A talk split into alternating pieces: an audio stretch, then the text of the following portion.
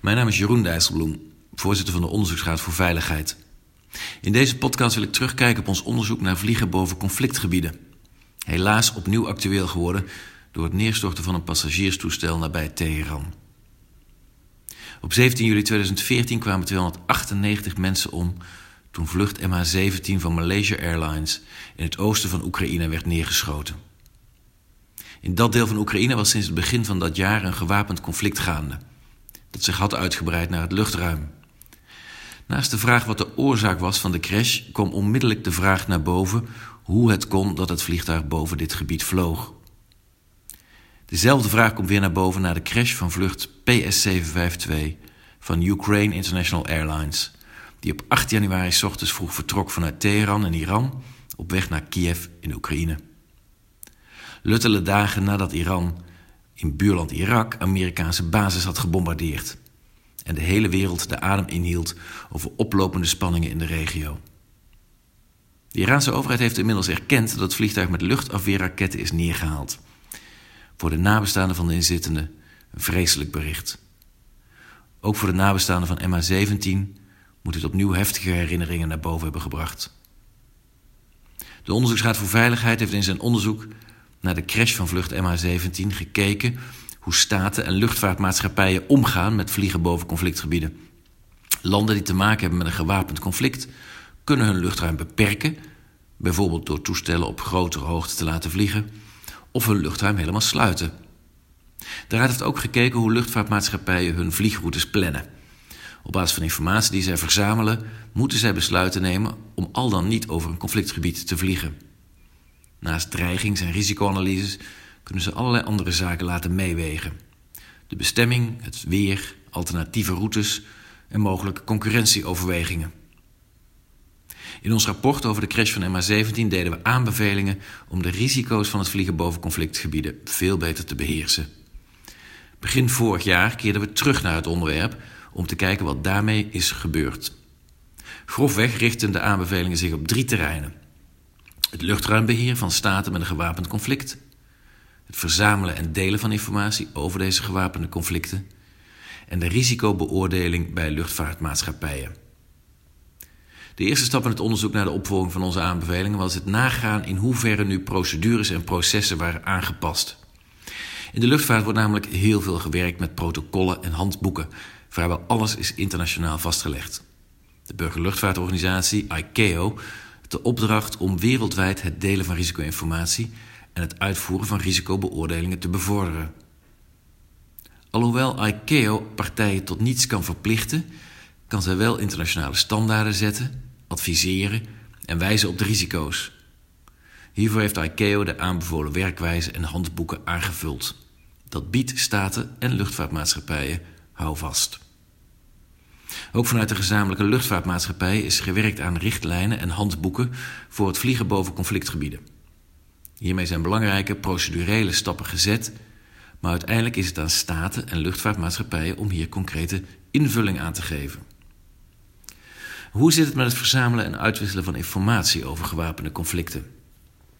We hebben steeds vaker te maken met onoverzichtelijke conflicten met meerdere partijen en het is dus lastig steeds een actueel beeld te hebben van risico's, zoals slecht getrainde of onervaren bediening van luchtdoelraketten of uitbreiding van het conflict naar het luchtruim.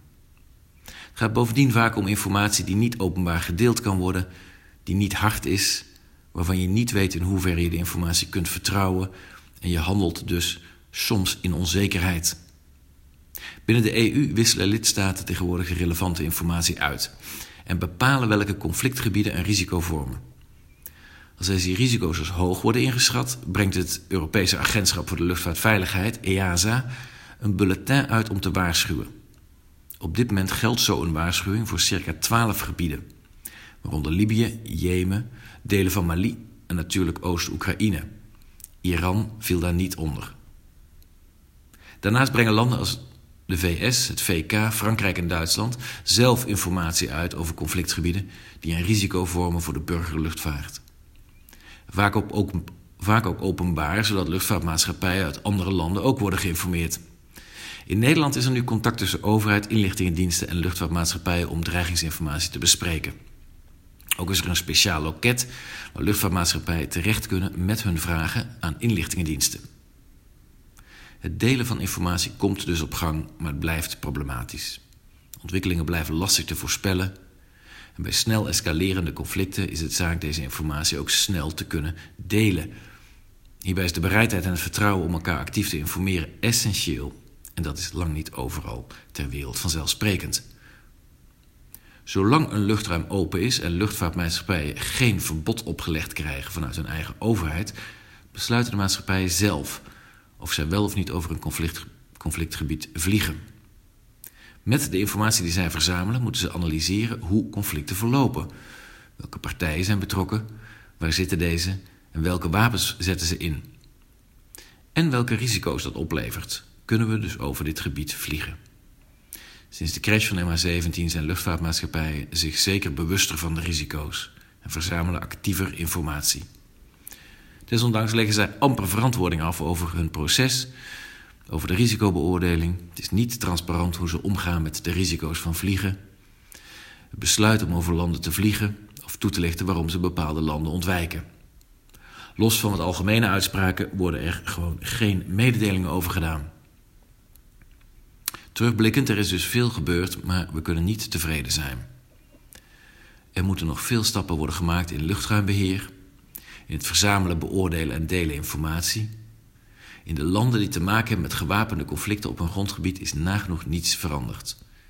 Met uitzondering van Oekraïne heeft geen enkele staat zijn luchtruim gesloten vanwege het conflict.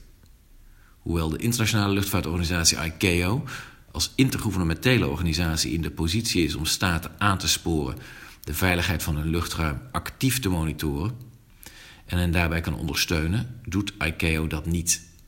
Daar vallen dus nog belangrijke stappen te zetten. Tot slot. Er zijn maar heel weinig landen die een luchtvaartmaatschappijen aanwijzingen geven om niet over bepaalde conflictgebieden te vliegen. De Verenigde Staten doet dat wel. Nederland doet dit niet en laat het eindoordeel dan ook over aan individuele Nederlandse luchtvaartmaatschappijen. De vraag dringt zich opnieuw op of het terecht is deze afweging aan de individuele luchtvaartmaatschappijen over te laten. Is dit niet een taak van overheden, bijvoorbeeld in gezamenlijk Europees verband? Nederland zou hiertoe het initiatief kunnen nemen. Opnieuw en met onverminderde urgentie vragen wij als Onderzoeksraad voor Veiligheid internationaal aandacht voor dit aanhoudende risico voor de burgerluchtvaart. Er zijn nog steeds lessen te leren.